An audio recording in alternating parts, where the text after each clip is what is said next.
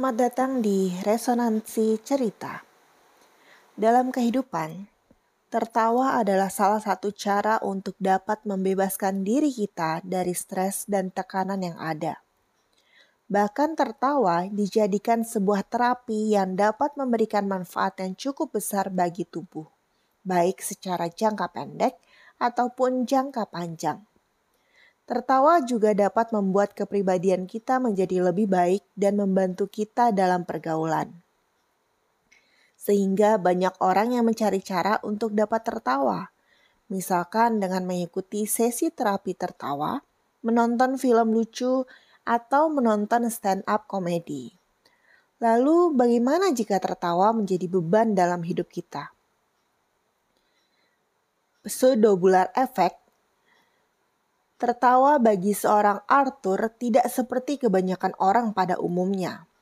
Arthur yang memiliki kelainan pada otaknya yang disebabkan cedera otak yang dialami pada masa lalunya menyebabkan dirinya tidak dapat mengontrol tawanya.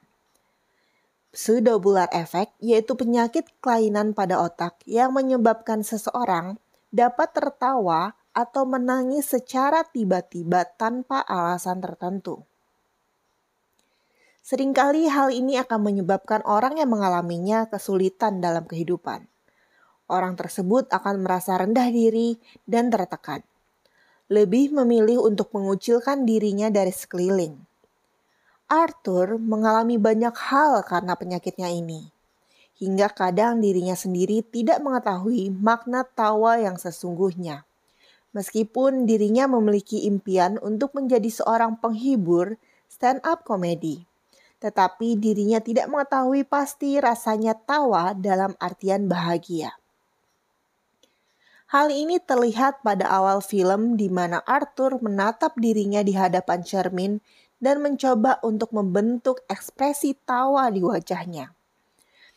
Namun hal ini tidak membuatnya menyerah. Dirinya tetap berusaha untuk dapat mewujudkan impiannya.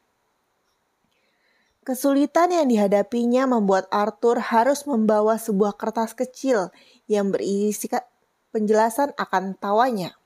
Karena dirinya dapat tiba-tiba tertawa tanpa sebab dan membuat orang di sekitarnya ketakutan. Dirinya juga mengalami konflik dalam perasaannya karena tidak dapat dengan jelas menunjukkan apa yang dirasanya. Ada adegan di mana dirinya menangis tetapi tawanya muncul dan membuat dirinya kesulitan.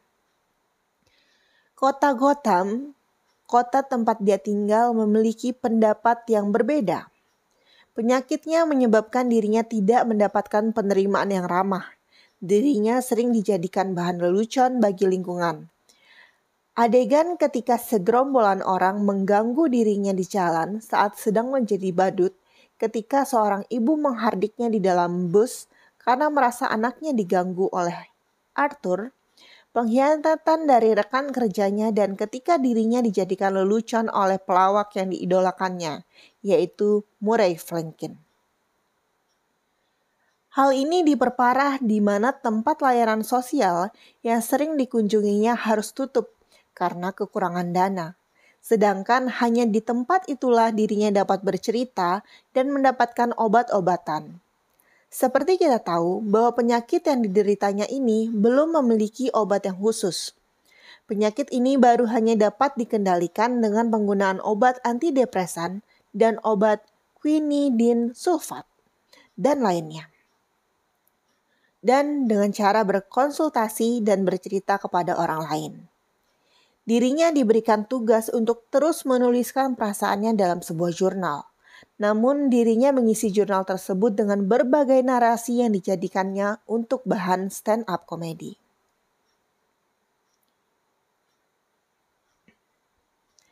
Kepastian dari masa lalu Arthur digambarkan sebagai seorang anak tanpa ayah yang tinggal hanya bersama dengan ibunya.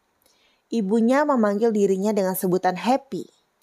Ibunya adalah mantan seorang pelayan di rumah politikus ternama yaitu Thomas Wayne.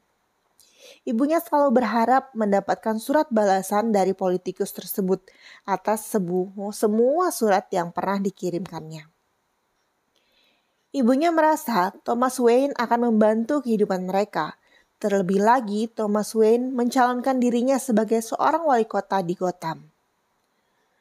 Arthur merasa sikap ibunya yang terlalu memuja Thomas Wayne dilatar belakangi perasaan di mana Thomas berhutang budi pada ibunya. Namun dugaan tersebut salah saat Arthur menemukan surat yang ditulis ibunya untuk pria tersebut. Surat tersebut berisikan penjelasan bahwa Arthur adalah anak dari pria tersebut. Arthur berusaha menemui Thomas Wayne untuk mendapatkan kejelasan. Kenyataan yang diterimanya berbeda. Thomas Wayne mengatakan bahwa ibu Arthur memiliki penyakit delusi sehingga menganggap dirinya telah menghamili. Thomas juga mengatakan bahwa Arthur adalah anak adopsi ibunya.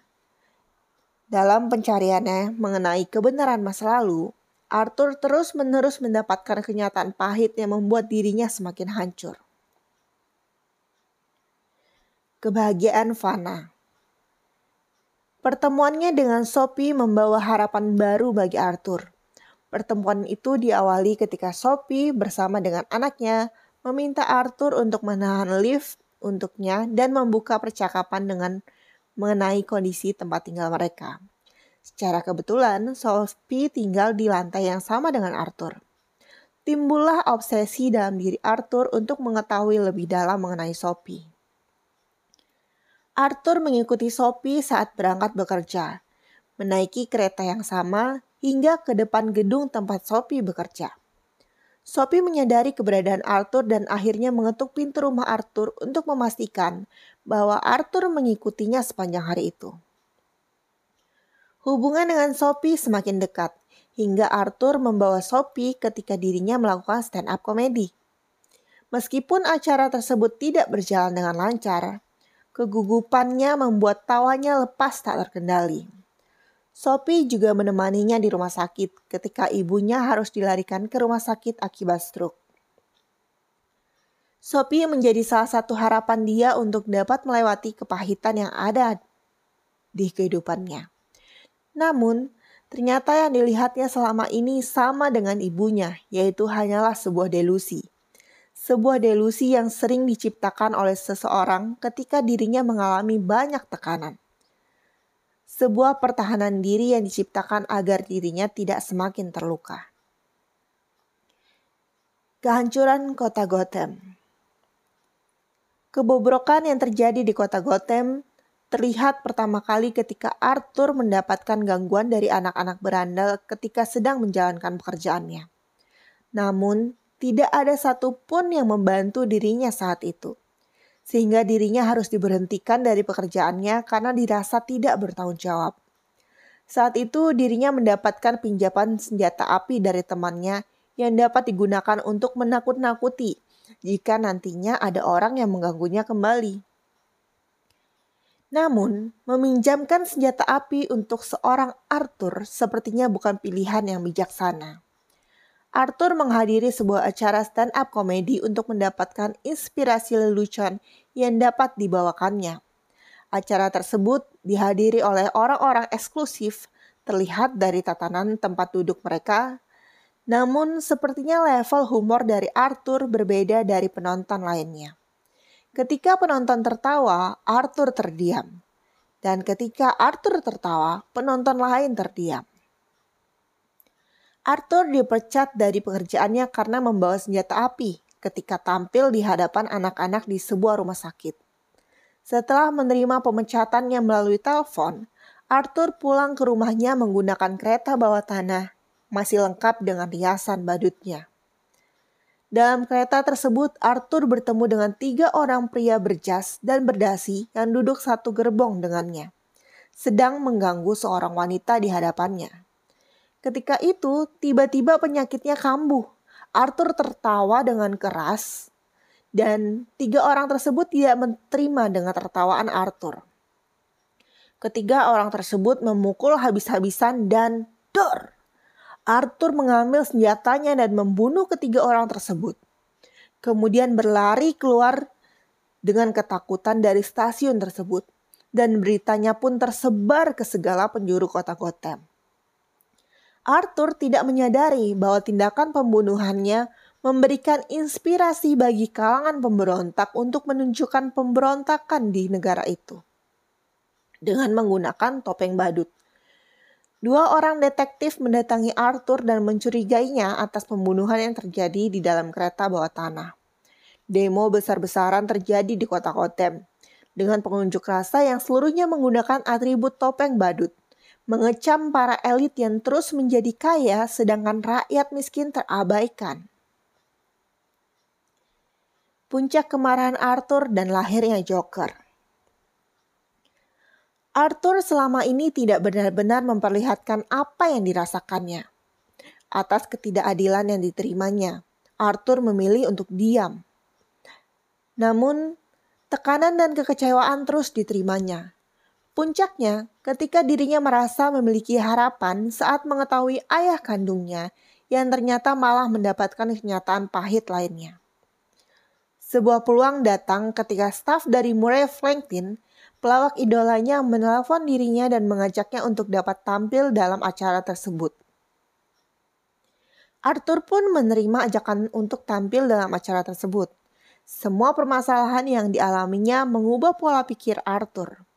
Arthur berpikir untuk menampilkan leluconnya terakhir kali di dalam acara tersebut. Lelucon tentang kematian, yaitu kematian dirinya yang menembakkan senjata api ke kepalanya sendiri. Arthur tampil dalam acara tersebut dan meminta untuk diperkenalkan sebagai Joker. Can you introduce me as a Joker? Itu yang dikatakan oleh Arthur. Lelucon kematian berakhir berbeda. Tepuk tangan meriah ketika Joker muncul di atas panggung menjadi sebuah teriakan dari penonton di dalam studio. Pelatuk dari senjata api itu telah ditekan dan sebuah peluru telah melesat bersarang di sebuah kepala tetapi bukan kepala Joker seperti yang direncanakan. Kepala seorang Murray Franklin.